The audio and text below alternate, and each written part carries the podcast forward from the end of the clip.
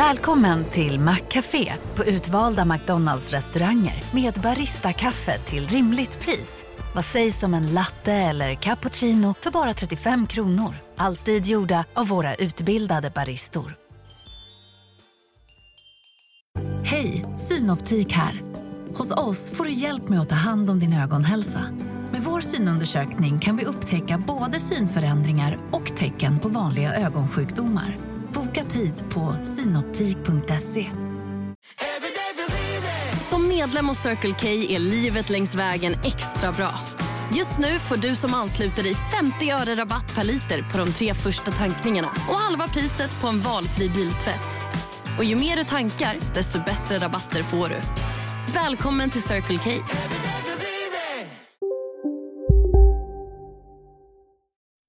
Hejsan! Christian Hedlund här från Röstskådespelarna med lite info innan du börjar titta eller lyssna på det här avsnittet. Jag har inte med mig Erner i nuläget. Men saken är den, att det här avsnittet var det som var tänkt skulle vara rebooten av röstskådespelarna. Det som Linn och jag hoppades att vi skulle kunna sno ihop och skapa 2018. En YouTube-show, ren YouTube-show om röstskådespeleri. Men det framgick ganska snart att det tar väldigt mycket tid, det är väldigt mycket jobb och vi fick helt enkelt inte ihop det. Så det blev bara ett avsnitt. Men det där blir det ju ändring på nu. Vi eh, hade ju en framgångsrik Kickstarter, så under 2021 så kommer det ju nya avsnitt av Röstskådespelarna. De kommer hamna på YouTube-kanalen och i podcastflödet som ljud. Precis som den här showen. Vill du se den här showen, alltså du som lyssnar, då finns den på vår YouTube-kanal på rostskadespelarna.se. Och du som tittar på den här videon, är det så att du vill lyssna på den bara, då finns den i vårt podcastflöde. Röstskådespelarna finns där podcaster finns. Så det du får se nu är det som skulle ha varit nya röstskådespelarna, men istället blir det ett eh, specialavsnitt med fokus på tekniken kring dubbning. Så jag lämnar över till några något yngre och lite fräschare Hedlund och Erner för specialavsnittet av Röstskådespelarna.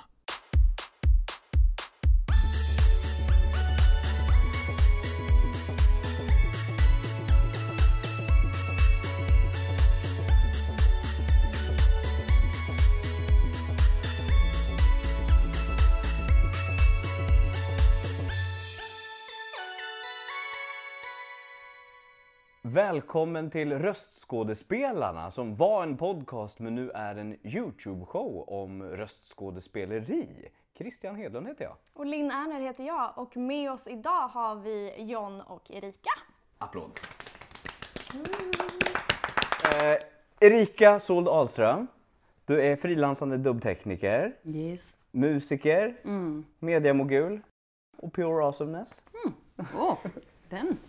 Och John Kristiansson som är eh, före detta chefstekniker på BTI, BTI Studios, bland annat, som är en av Sveriges största dubbningsstudios. Eh, idag frilansande dubbtekniker. Ehm, musiker, student, allmänt härlig. Ja, det är så. eh, Är korrekt? Ja, det, det, det stämmer ganska bra överens med min egen beskrivning av mig själv. Så.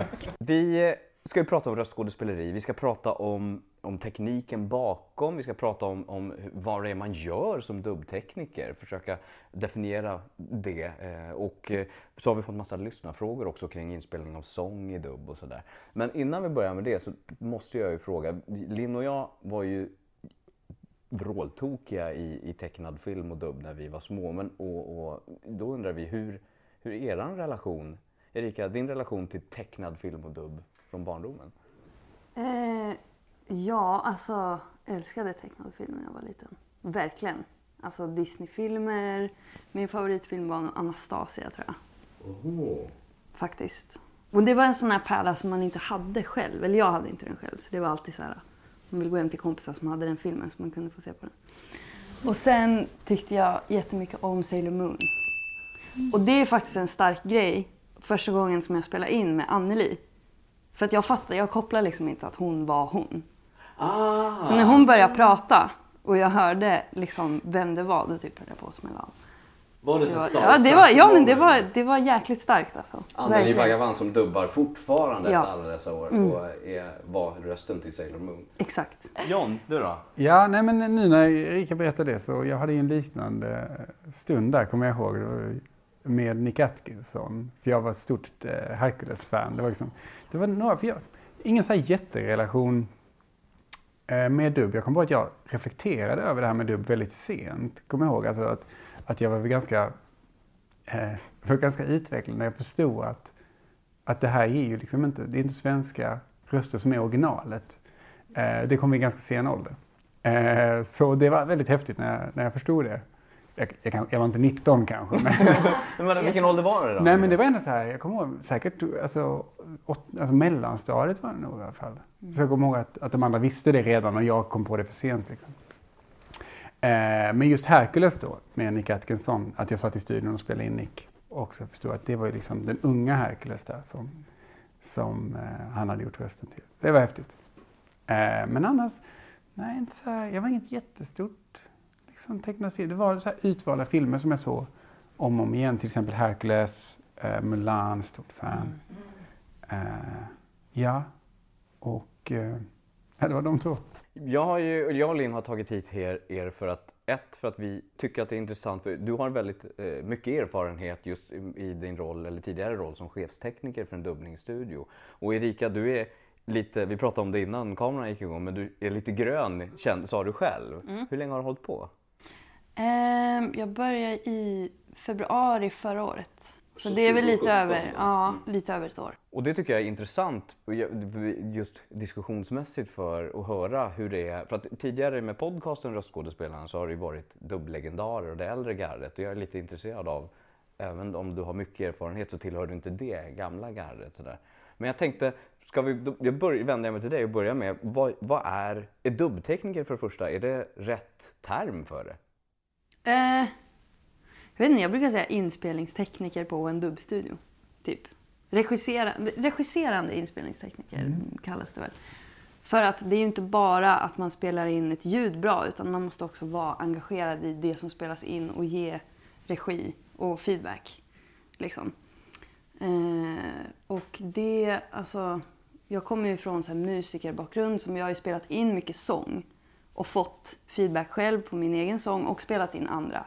Så det var ju ändå så här ganska naturligt för mig. Men själva, alltså att lägga, just att liksom, ja, nej men själva dubb med, med bara prat, det har jag inte gjort så mycket tidigare. Men det har varit jättekul alltså. Vad var den största skillnaden att gå från sång till, till tal på det sättet? Oj, jag menar alltså det är ju... Ehm, man lyssnar ju lite på andra grejer, typ om man, sjung, om man sjunger in en grej då lyssnar man ju mycket på, aha, är det i pitch eller är det tillräckligt starkt eller tillräckligt svagt eller sådana där grejer. Ehm, så det är väl lite annorlunda men en sak som är väldigt lika är ju att det är en performance-grej och man måste få fram, man måste få fram uttrycket hos personen oavsett om det är en sångprestation eller en talprestation. Så vill man ju ha någonting lite extra liksom. Men om det är någon som tittar på det här och är, är, kanske inte ens har tänkt på att det måste vara en tekniker kring dubb, men är passionerad kring dubb, dubb i övrigt. Går det att definiera, vad, vad är liksom rent tekniskt, hur, vad är det en dubbtekniker gör i studion? Rent tekniskt idag är det ganska enkelt att definiera det för att eh, det är ju, det ser ju generellt sett ganska likt ut på de flesta studios och arbetet i sig är förhållandevis, det är svårt att säga enkelt när man jobbar med det men det är själva det tekniska hantverket är inte så omfattande utan eh, det är du jobbar väldigt lik, likt eh, hela tiden. Det är alltid samma procedur. Oavsett projekt så ser det nästan likadant ut. Det, det ligger mycket preparativt arbete eh, bakom det för att det ska vara enkelt, för att du ska kunna hoppa in och ut eh, i olika projekt. Erika ska kunna börja i en serie som jag sen ska kunna ta vid. Mm. Och då så, så rent tekniskt så skulle jag nog säga att de flesta jobbar ganska lik, likt varandra. Vi gör, vi gör det ännu enklare då för någon som inte ens har varit i en studio. Vad har du framför dig som dubbtekniker när du går in på arbetsplatsen? Eh, ja, det, ja, precis. Det är ju två rum då. Det, det är rummet där jag sitter och det är rummet där ni brukar sitta. Och eh, där jag sitter så har, eh, ja, kort sammanfattat, du har en skärm med din, men det är det man kallar för en DAV, alltså det som eh, kanske snarare beskrivs som ett musikprogram eller ett ljudbehandlingsprogram. Och sen så har du en skärm med videofilen där du tittar på, på den faktiska filmen. Och sen så har du en tredje skärm med manus så att du hela tiden kan följa med och, och eh, hjälpa skådespelaren.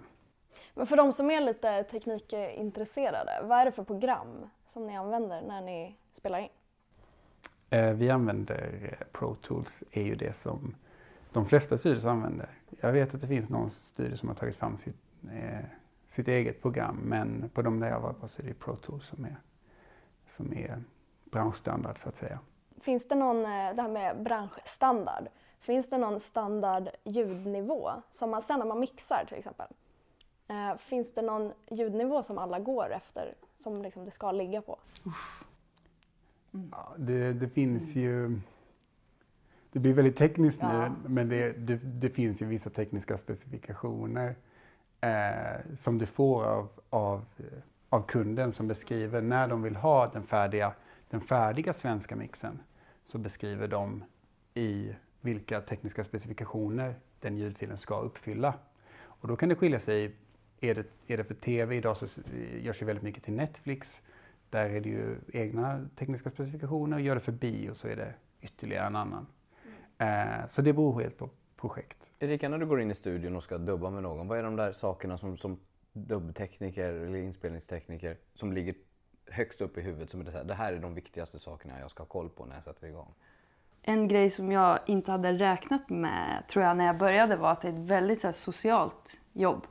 Alltså man är, om man inte mixar eller redigera den dagen utan bara har inspelning, då är man liksom man, är, alltså, man måste vara supersocial hela tiden och fokuserad på att man inte säger något otrevligt eller så här. Man, man ska vara på bra humör helt enkelt. Och sen, alltså, sen ska man väl inte vara överdrivet liksom bara trevlig heller för då blir det väl ingen bra produkt utan man måste hitta den här balansen där skådespelaren och jag är på samma nivå av liksom att jag kan komma med feedback utan att den tar illa upp till exempel men att vi samtidigt kan ha bra stämning och så. Så jag tror att det där, den sociala biten är liksom den absolut första grejen när man träffar en, en skådespelare för första gången. Att man känner in varandra lite grann. Men hur var det i en situation till exempel som när du hamnar med Anneli Bhagavan och du bara blir starstruck och sen ska du säga åt henne, nej gör så här. Men jag sa ingenting till henne. Hon fick precis vad hon ville. nej, men, eh, nej men det tror jag bara, alltså hon, hon är ju liksom väldigt trevlig, öppen person. Så det, jag tror att det bara var roligt att det blev så liksom. Och sen, hon är ju fullt förstådd, införstådd med vad min roll är och vad hennes roll är. Så att det kommer ju komma... Sen är det ju också det här att skådespelarna, vi har ju liksom en view som inte ni har och det är själva ljudvågorna, att vi kan se exakt hur långa de är.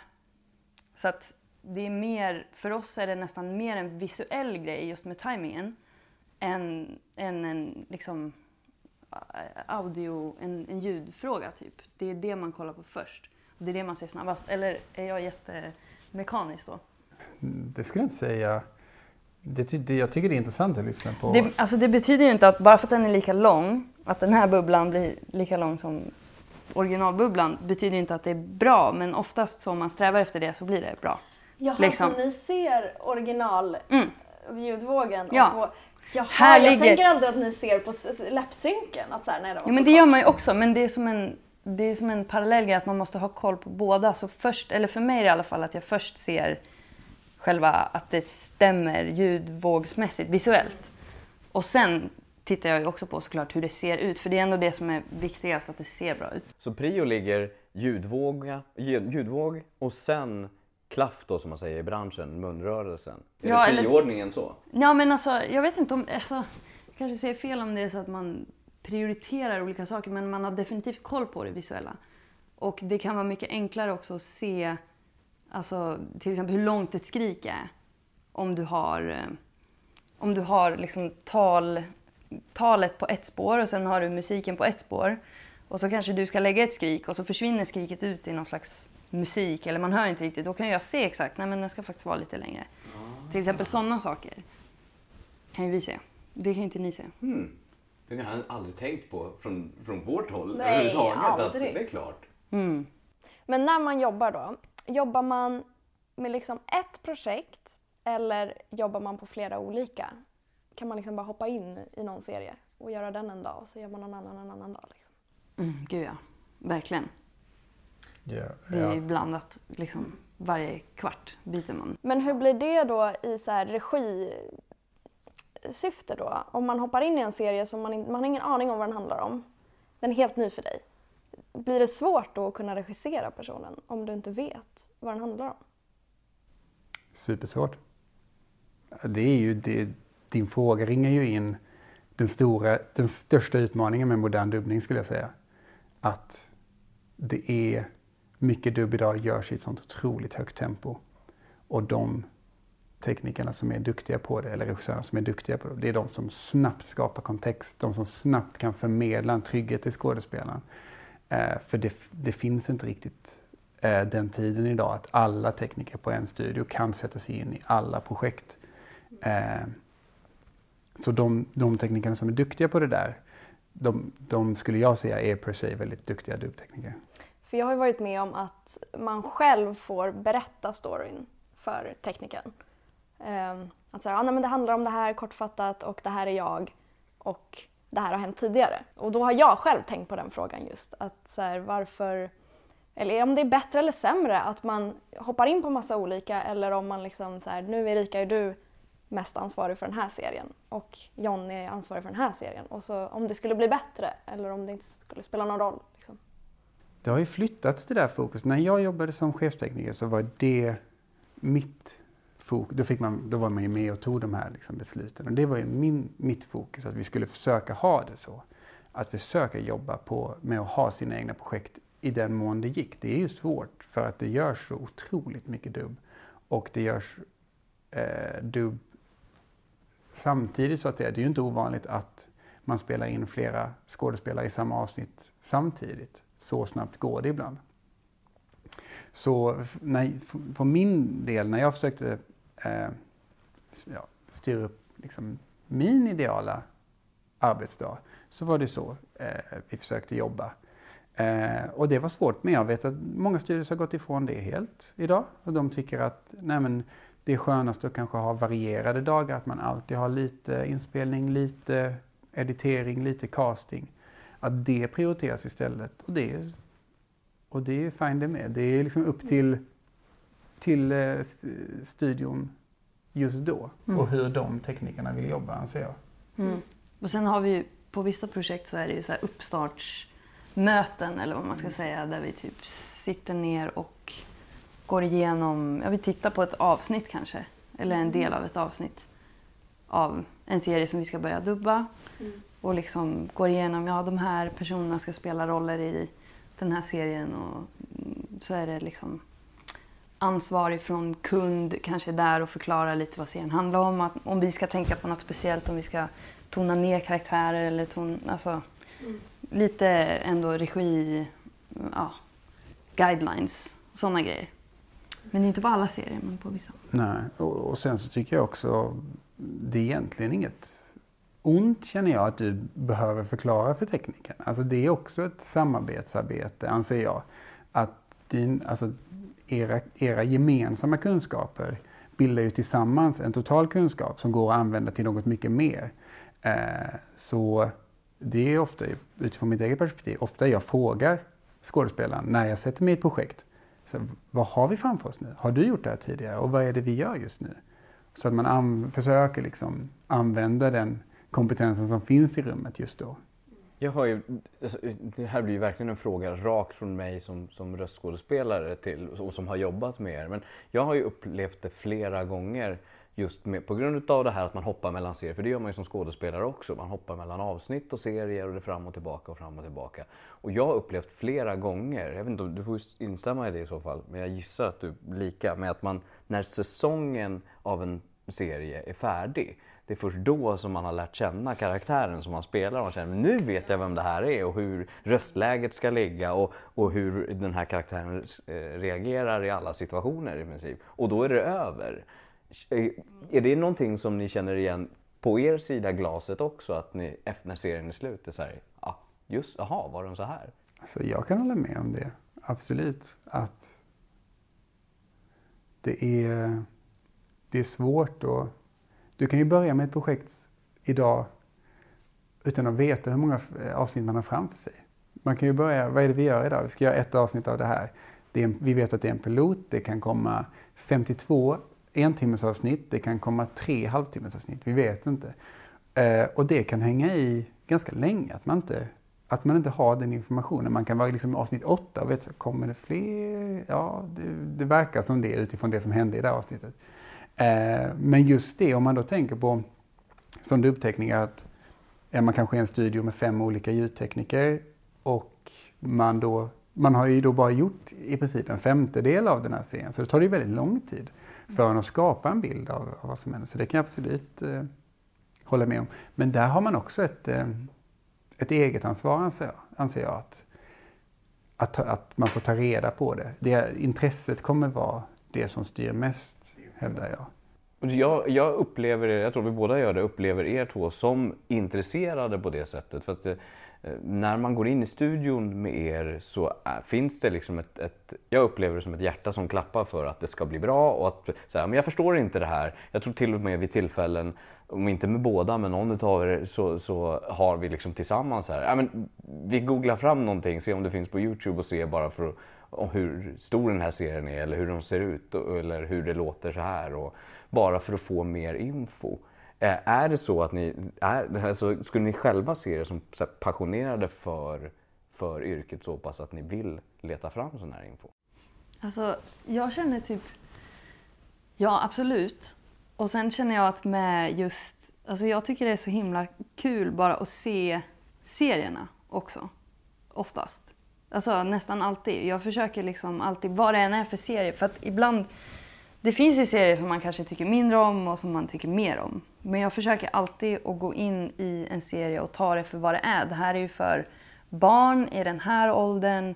Försöker gå in i det mindsetet och då blir det mycket enklare att skratta åt saker. Så jag brukar ofta liksom skratta ganska mycket. För att det är ju den typen av, mycket av serierna är ju liksom, ska ju vara kul för kidsen. Um, så att uh, jag har väldigt kul med yrket. Men det är ju en jättestyrka, tycker jag, som, som, hos dig som tekniker. Jag vet ju, ni två är ju några av de enda, alltså det finns många, men, men två utav dem som jag kan säga nej. nej men vänta, vi stannar här. Jag vill bara, kan vi prova att göra så här bara för att det blir lite roligare? Mm. Och jag får respons från er och ni säger ja, ja, men, ja vi provar. Och det är ju inte jättevanligt för, på grund av tidspress eller dagsform och sånt också. Eller bara personligheten som sitter som tekniker där. Men, men det ska, det, jag, jag avslutar nästan diskussionen med att säga att ni ska ha kudos för att ni är sådana. Ja. För att det ger oss väldigt mycket. Vad snällt. Det är ju en ömsesidig grej, tycker jag. Alltså man känner in på en skådis som den är på liksom... Den också tycker det är kul och kan garva åt saker. För det märker man ganska snabbt om man sitter och garvar högt åt saker och ting och får ingen respons. Då blir det ju till slut att man kanske hamnar ur det där lite grann.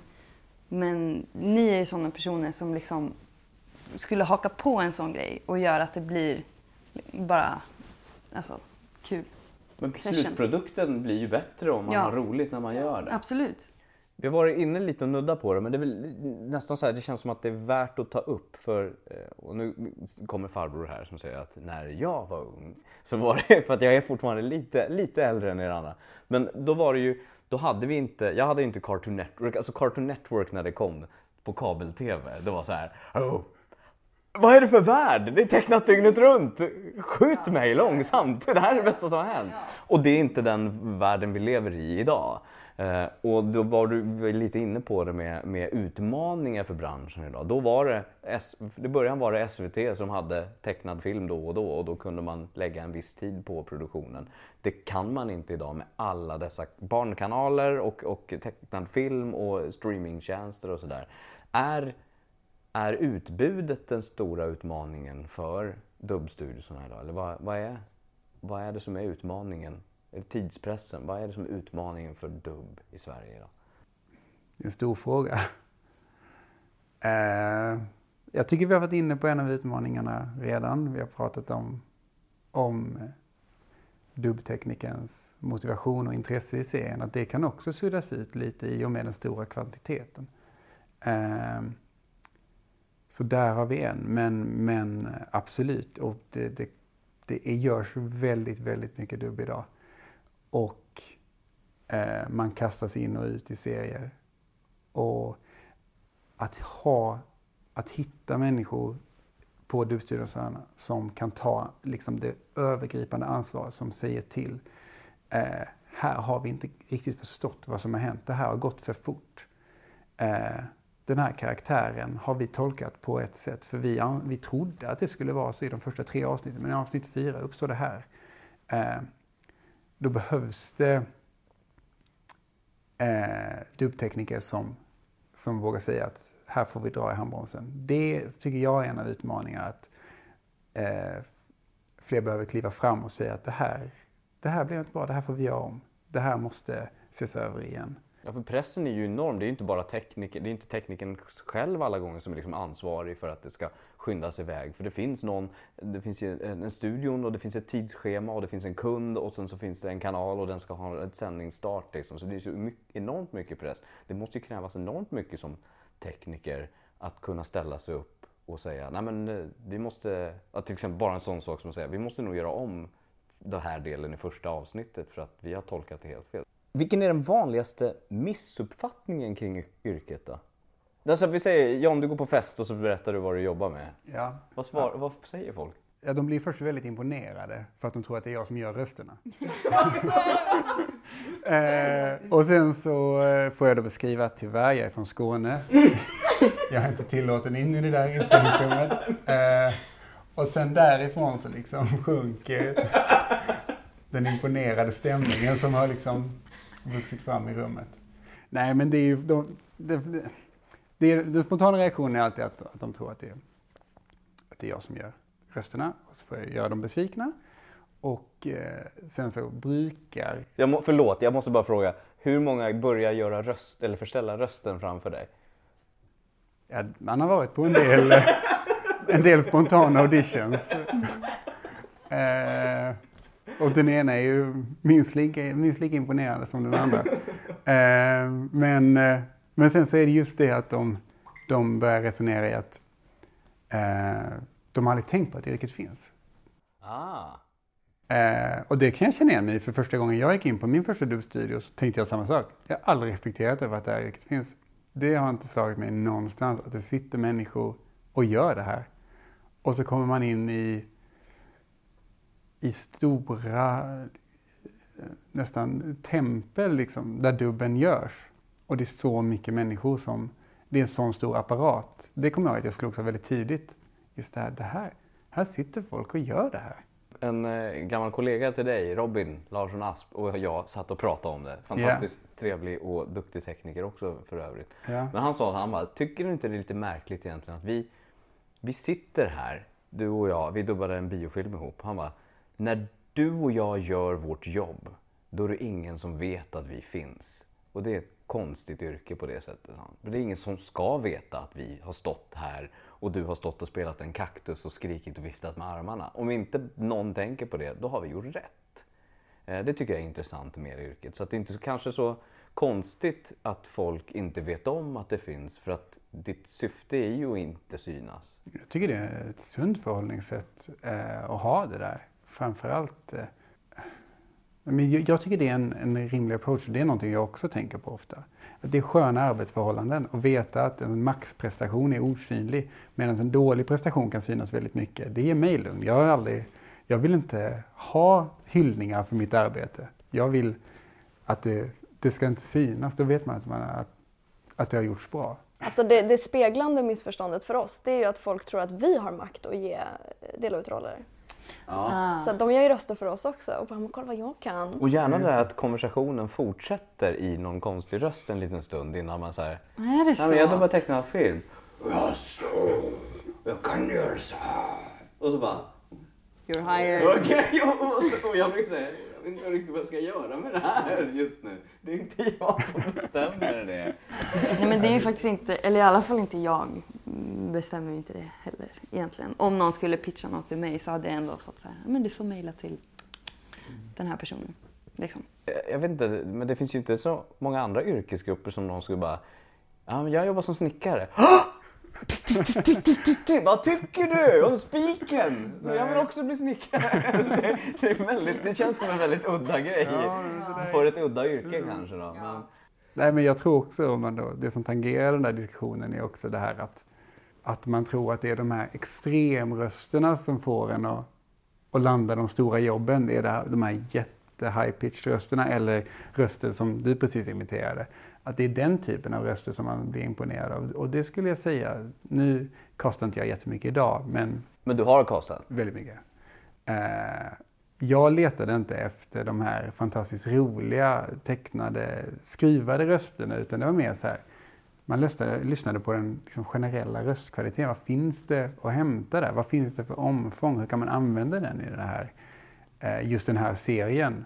Och för även där så, så gällande, gällande kvantiteten att det är, det är svårt när det är så mycket som ska göras. Då kan det ibland krävas att någon, någon gör röster. Men det, även en extremröst är inte så intressant. Utan det är mer så här, hur, hur beter sig rösten i den här serien? Och vad kan vi använda den till? Jag måste ju fråga, för att det är ju dubb, dubbteknikervärlden, du får rätta mig om jag har fel John, men har ju varit extremt mansdominerad så som jag har sett det som skådespelare och är fortfarande mansdominerad.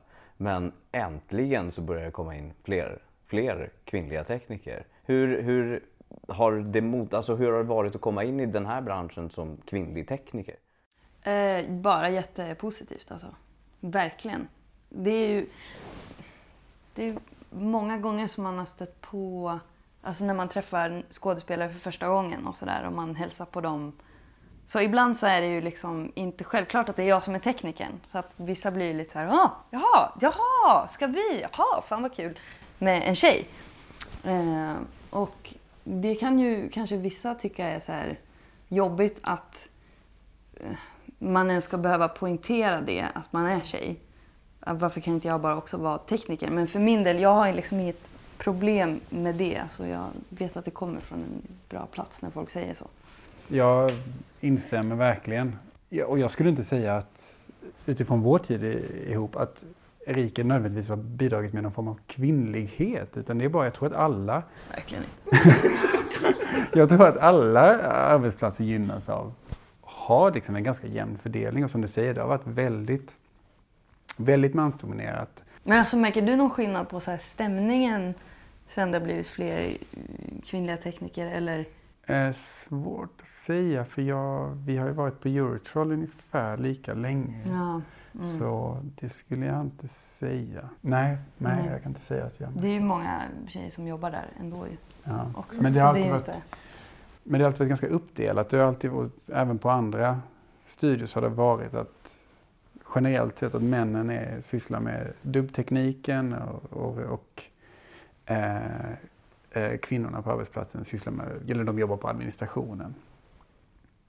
Eh, men det börjar som sagt suddas ut nu, mer och mer känner jag. På alla studier skulle jag säga att det är så. Varför, och det är en stor fråga som jag slänger verkligen på den och jag förstår att inte du har alla svar. Men var, vad är det som, varför är det så få kvinnor som eh, blir ljudtekniker?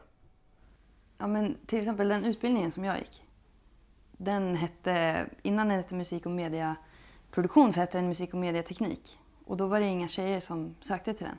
De hade nästan inga tjejer som gick utbildningen. Och sen så bytte de namn till musik och medieproduktion och efter några år, i alla fall i min klass, så var vi majoriteten tjejer. Och jag vet inte, man vet ju inte om det har med det här namnet, liksom, att det är teknik och att det nej, ligger någonting i det. Och om man byter till produktion, att det blir mer kreativt och då är det fler tjejer som attraheras av det. Men alltså, i grund och botten så vet jag inte riktigt varför det skulle vara så egentligen. Jag tycker inte det låter helt orimligt heller. Jag tänker på spelbranschen som jag har jobbat en hel del i, som är extremt mansdominerad också. Och det har man diskuterat vid tillfällen vad det beror på. Och det är en samma sak. Det har traditionellt sett varit enklare, nu hårdrar jag det verkligen, men det har ju varit så här Ja men du går och leker med, med dockor och du, det är klart du ska leka med, sitta vid datorn. Alltså det har varit kanske hårt naturligtvis och väldigt eh, snävt draget. Lättare så och att teknik har varit, det är någonting för pojkarna och det ska inte du hålla på med. Men att det är någonting som förändras just nu. Att det kan vara därför som ordet teknik är så laddat kring det. Att ett, en, ett, förändringen av ett ord öppnar upp till någonting annat. Kan du säga någonting? Om vi säger att det sitter en, en, en ung tjej nu som eh, kanske ska välja gymnasium eller går gymnasiet eller vill plugga vidare och känner att börja när hon ser dig så här, ja men tek, te, ljudtekniker. Hur kan du sälja in, sälja in jobbet? Inspirera? Nej men det är, men det är kul om man gillar att hålla på med ljud. För det är ändå så här, någonstans så måste man ändå tycka om den tekniska biten av att spela in någonting och få en produkt så här, som någon kan titta på eller lyssna på eller så. Och eh, sen är det jättekul för att just att vara inspelningstekniker är ju... Alltså att vara inspelningstekniker på en dubbstudio är jättekul för att man får träffa så mycket folk. Tycker jag är fantastiskt kul och jag vet inte om jag skulle träffa så många i den branschen annars. Alltså i skådespelarbranschen eller i, ja, alltså liksom den genren. Ehm, så det är väldigt roligt. Ehm, ja, nej men så här, man får, sen får man ju också testa lite så här, för jag var inte, jag var inte helt säker på att det var det jag skulle göra. Ehm, men när jag provade det så kände jag att så här, det här är ju jättekul och det är någonting för mig. Så prova. Vilket är det lättaste med att vara dubbtekniker? John? Jag tycker nog det är det lättaste är svårt att svara på, men, men den roligaste biten kan ju, det behöver inte vara den lättaste heller, men, men, men det jag tycker är roligt är ju den sociala biten. Att jobba med en ny dubbare och försöka få, få dem att lämna det här seriösa tänket om att säga, nu måste vi eh, nu måste den här repliken bli perfekt. Att man försöker liksom sudda bort allt det där och, och, och göra, få eh, skådespelaren att ja, känna sig trygg till att vara lite knasig. Liksom. Att det, det anser jag finns jättemycket vinning i. Uh, framförallt yngre dubbare som, som kommer in. Att många kan vara väldigt professionella redan från en väldigt tidig ålder. De är mest så här, ja. Ja, och det är så här, och det är verkligen en utmaning att försöka liksom rufsa dem lite i håret och säga så här, vi, vill vi leker, liksom, det är det vi gör. Vi, därför du alltid rufsar mig ja, du är för stel. spjuver säger du alltid. Men hur brukar du göra med, med kidsen där? Liksom, har du något så här? Ja, vad man har Knep. någon... Jag, försöker, jag tror det var ett tag jag försökte liksom anpassa mig och, och låta mer liksom, försöka prata som, som kidsen gör. Men det, det misslyckas fatalt. Det är verkligen inte jag. Nej, det går inte. Utan man får liksom, YOLO! nej, det är snarare, man får ta den här rollen, anser jag, den här rollen av den, den pinsamma vuxna människan i rummet och försöka få dem att... För de, alltså, jag har en, liksom, en tanke om att eh, människor som är liksom mellan 10 och 15 och så här, de, de har inte så mycket interaktion med vuxna människor om man tänker på sig själv som 10 till 15 år. De är så lärare, föräldrar, släkt och fotbollstränare, men vad har man för... Och så kommer man in i en, i en dubbkontext där man har ett professionellt ansvar i att eh, bidra till en produkt.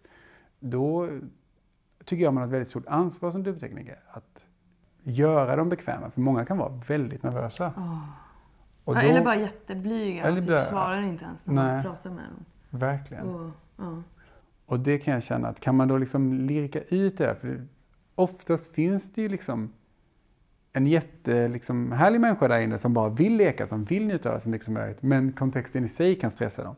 Kan man då hitta de instrumenten, de verktygen att bara liksom dra ut det där, då det tycker jag är den roligaste biten. Men frågan var ju det lättaste och det är absolut inte det lättaste. Det är Nej, väldigt det svårt. Nej, det var nästan som min, min fråga Ja. efter det var så här, det låter som en av de svårare Ja, det är nog det svåraste. Ja. Men... Nu har vi ett nytt manusprogram. Mm. Så byta replik är liksom jätteenkelt nu. Det är bara en knapp. Ja. Så hamnar man på rätt ställe, på rätt tidskod, rätt allting. Det är ganska enkelt. Det är väldigt enkelt. Det är jätteenkelt. Ja. Det kan, när man säger dubbtekniker, det låter ju väldigt tek- att man är tekniker. Det Typ att man har ett här stort rack med Ja, liksom och man har liksom olika EQs och... skruvmejslar i bältet och sådär. Men det är, det är ju inget sånt. Eh, Nej. Eh, utan den tekniska biten är ju, den är ju svårt att säga när man har gjort det länge, men det är ju relativt enkelt. Linn, jag tänkte att du skulle få slänga på de lyssnarfrågor strax. Ja. Jag har en sista bara som jag måste dra med er. För jag tänker på att John, som du nämnde förut, jag är skåning, jag är inte tillåten in i studion. Och du som är i Dalkulla. Hallå! Hallå eller? Och jag skäms ju lite eftersom jag har halva släkten från Skåne och halva från Dalarna så har jag fått göra både dalmål och skånska. Det här med dialekter i dubb är en väldigt vanlig fråga som skickas till, till podcasten och som jag får i Youtube-kommentarsfält och sådär. Och du som har castat och, och, och, och har insikt Ja. om varför, vad, vad, ja dialekter i dubb. Ja. What, what, what about it? Eh, det, det beror ju... Det är ju mer ett ställningstagande från kunden från Dubbstudio. Eh, att eh, de största kunderna kan vara väldigt noga med att säga vi vill inte ha några eh, dialekter. Eh, just för att de inte vill riskera att man ska göra narr av en specifik dialekt. Eh, sen så kan de vara mer fria mm, inom det när det gäller biofilm till exempel, när man kan få, få eh, motivera sitt beslut lite mer.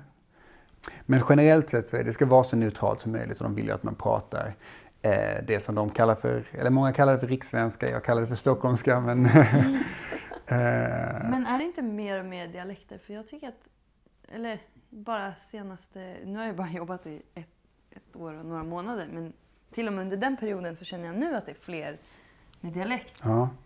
som kommer in i studion. Liksom. Att det är någonting som man vill försöka få in mer av. Men då är det ju folk som är på riktigt skåning eller på riktigt pratar dalmål i hela tiden. Liksom. Eh, inte någon som försöker göra en dialekt så att det låter till. Som vissa i, i rummet, inga namn nämnda. Mm. exakt. Nej men precis, men då, eh, och precis, och jag håller med att det, det blir mer och mer fritt. Men, men eh, där skulle jag säga att kanske framförallt är då SVT som ligger i framkant gällande det Ja. där. Att Det där de känner att de vill ge en mer representativ, representativ bild av... Det känns som en del av deras uppdrag också som public service. Man skulle kunna hävda det. Ja. Eh, så, eh, men det är ju kul. Men så att de som säger och är så arga på dubbstudiorna som aldrig tar in några dialekter. Mm. Det är felaktigt då utan till viss del i och med att det kanske är kund. Det är inte upp till Det dem ju liksom 100 procent. Om kunden beställer en grej så är det ju ett business. Bersners. Vi tar lite lyssnarfrågor här då.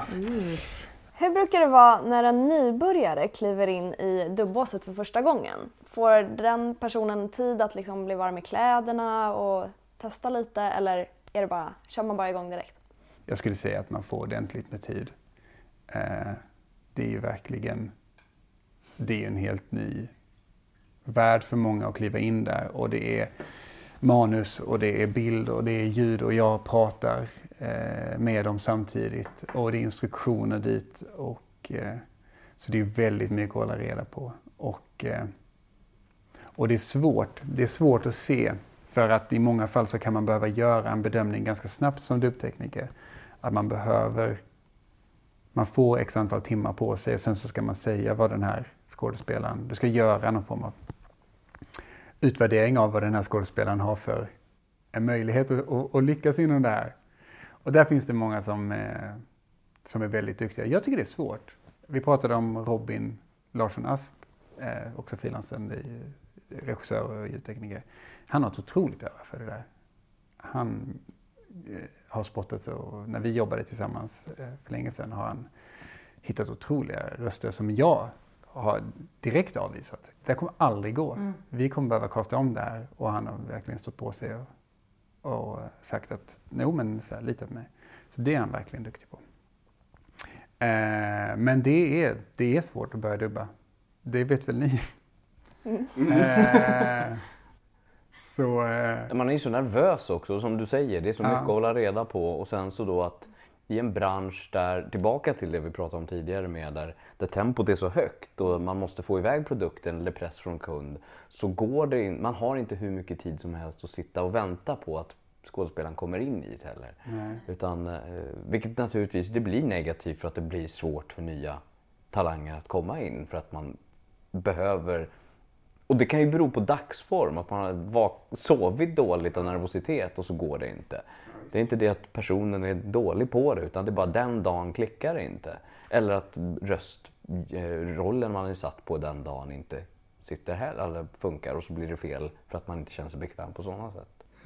Men det som är konstigt är att man övar ju inte, eller det kanske man gör. Övar röstskådespeleri typ innan att man, nej.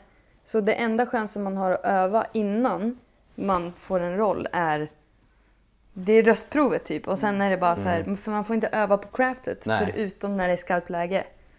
Det är ganska sjukt. Ja det är också precis. Och det vet inte om. Det, det vet ju du kanske ännu mer som, som har eh, med din utbildning och så men, men det liknar det något annat skådespelaryrke i förberedelsetid och Eh, nej, nej, alltså ska du på en audition som vanlig skådespelare då får du ju ett manus innan och du får liksom, du har ju tid, det är kanske så här, som minst tid har du väl en dag. Men du får ju fortfarande ett manus hem. Eh, och varför tror ni att det är så svårt för nybörjare att komma in och få börja dubba? Det är väl som eh, att bli dansare eller musiker eller sångerska eller skådespelare. Att det är så sjuk konkurrens. Det är så många som vill vara röstskådespelare. Och då måste man liksom... Mm, jag vet inte ens hur man får... Är det liksom... Man får skicka in en ljudfil liksom. Hoppas att någon lyssnar på den.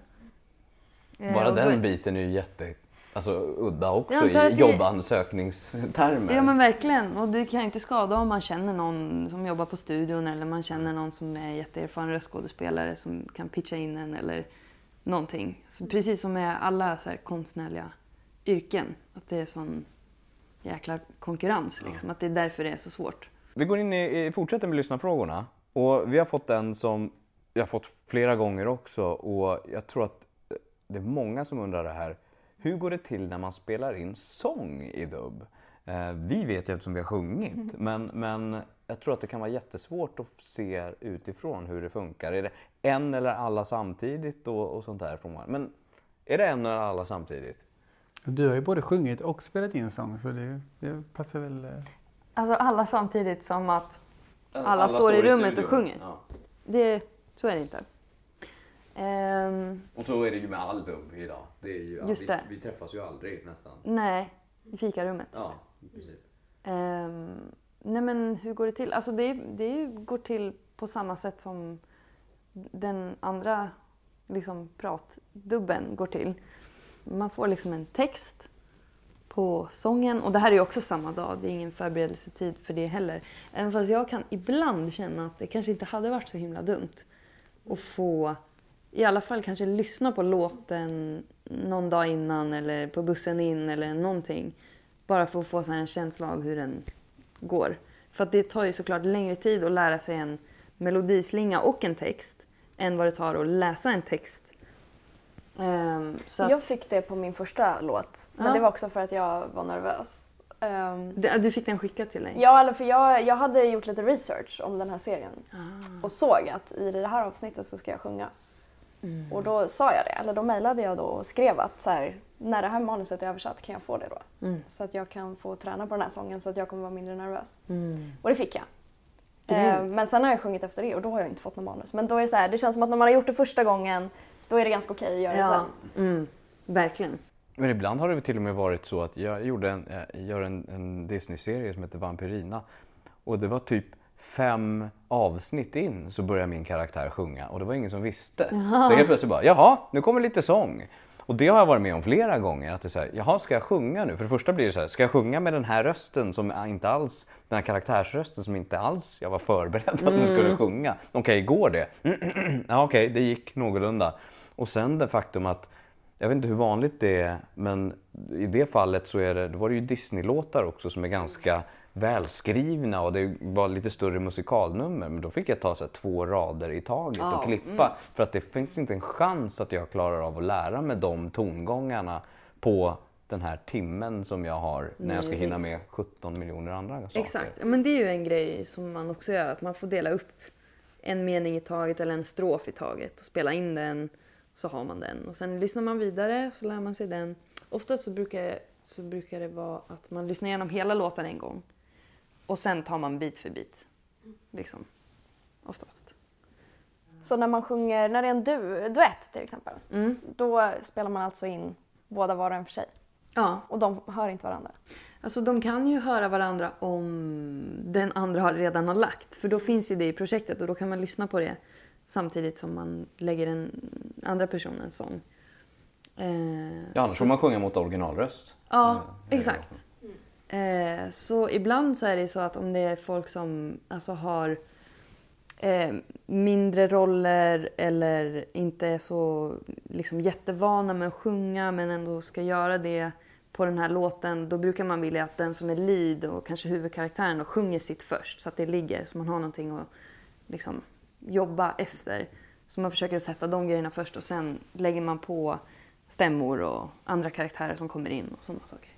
Jag har en följdfråga på det eh, som jag vet eh, eh, blir självklart för oss som jobbar med redigering och har jobbat med ljud och musik men som jag också förstår kan vara svår att se utifrån. Det var kring ljudnivåer. Hur gör man så att en röst inte överröstas av musiken när man spelar in en sång? Men det gör man ju först i mix kan man ju säga. Och det är ju helt enkelt att ju- justera volymnivåer individuellt. För Precis. Du har ju musiken på ett spår och rösten på ett annat. Och så kan du då, om musiken blir hög på ett ställe så kanske det går att höja rösten just där, på det Precis. partiet. Exakt. Men om det ska vara en maffig kör i en låt, spelar man in då också varje person var och en för sig eller kan man spela in liksom hela kören? Det har gjorts eh, i bioproduktioner och sådär, att man tar in hela körer när det ska vara, när det, ska vara det.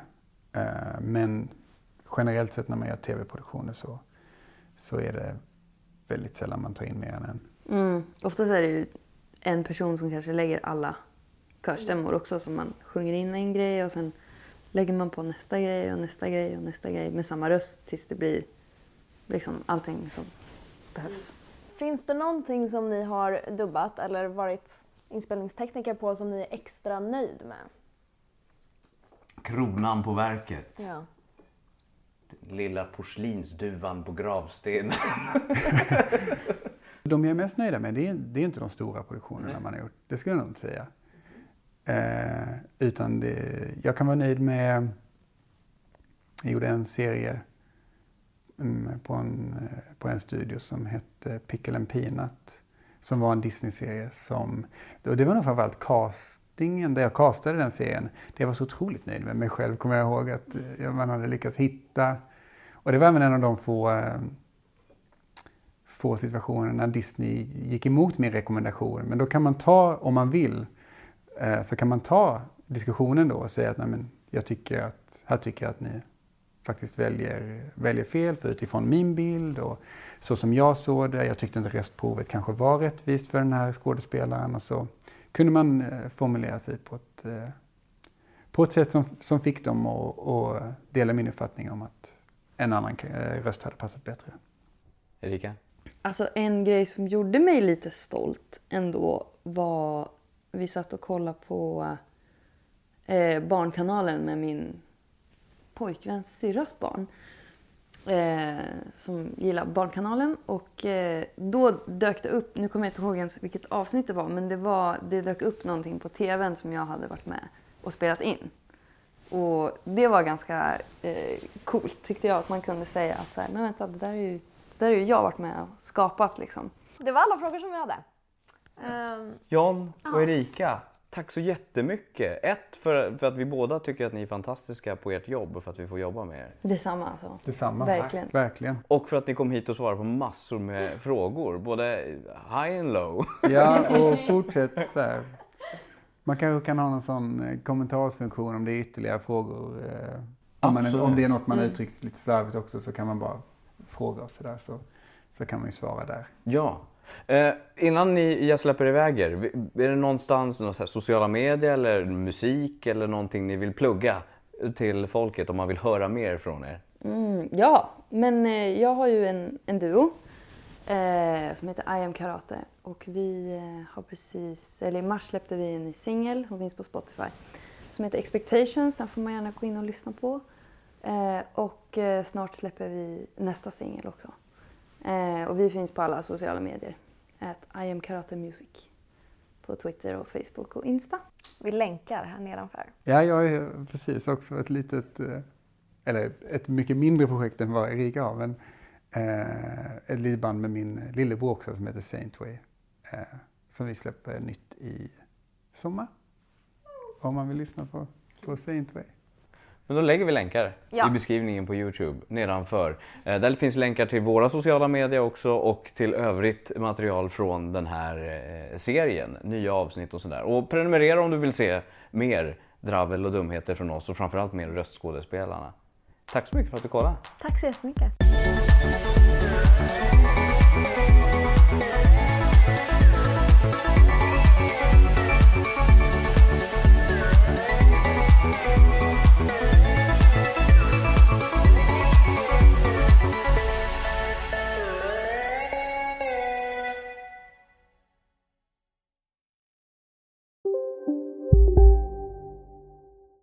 Big har miljarder fans över hela världen. Under mer än 50 år har den skapat popkulturell historia. En legend med 100% nötkött och den mytomspunna såsen. Nu finns Big Mac för bara 39 kronor på McDonalds. ska några små tassar flytta in hos dig. Hos Trygg Hansa får din valp eller kattunge 25% rabatt på försäkringen första året. Läs mer och teckna djurförsäkringen på trygghansa.se. Trygg Hansa, trygghet för livet. Hej Sverige! Apoteket finns här för dig och alla du tycker om. Nu hittar du extra bra pris på massor av produkter hos oss. Allt för att du ska må bra. Välkommen till oss på Apoteket.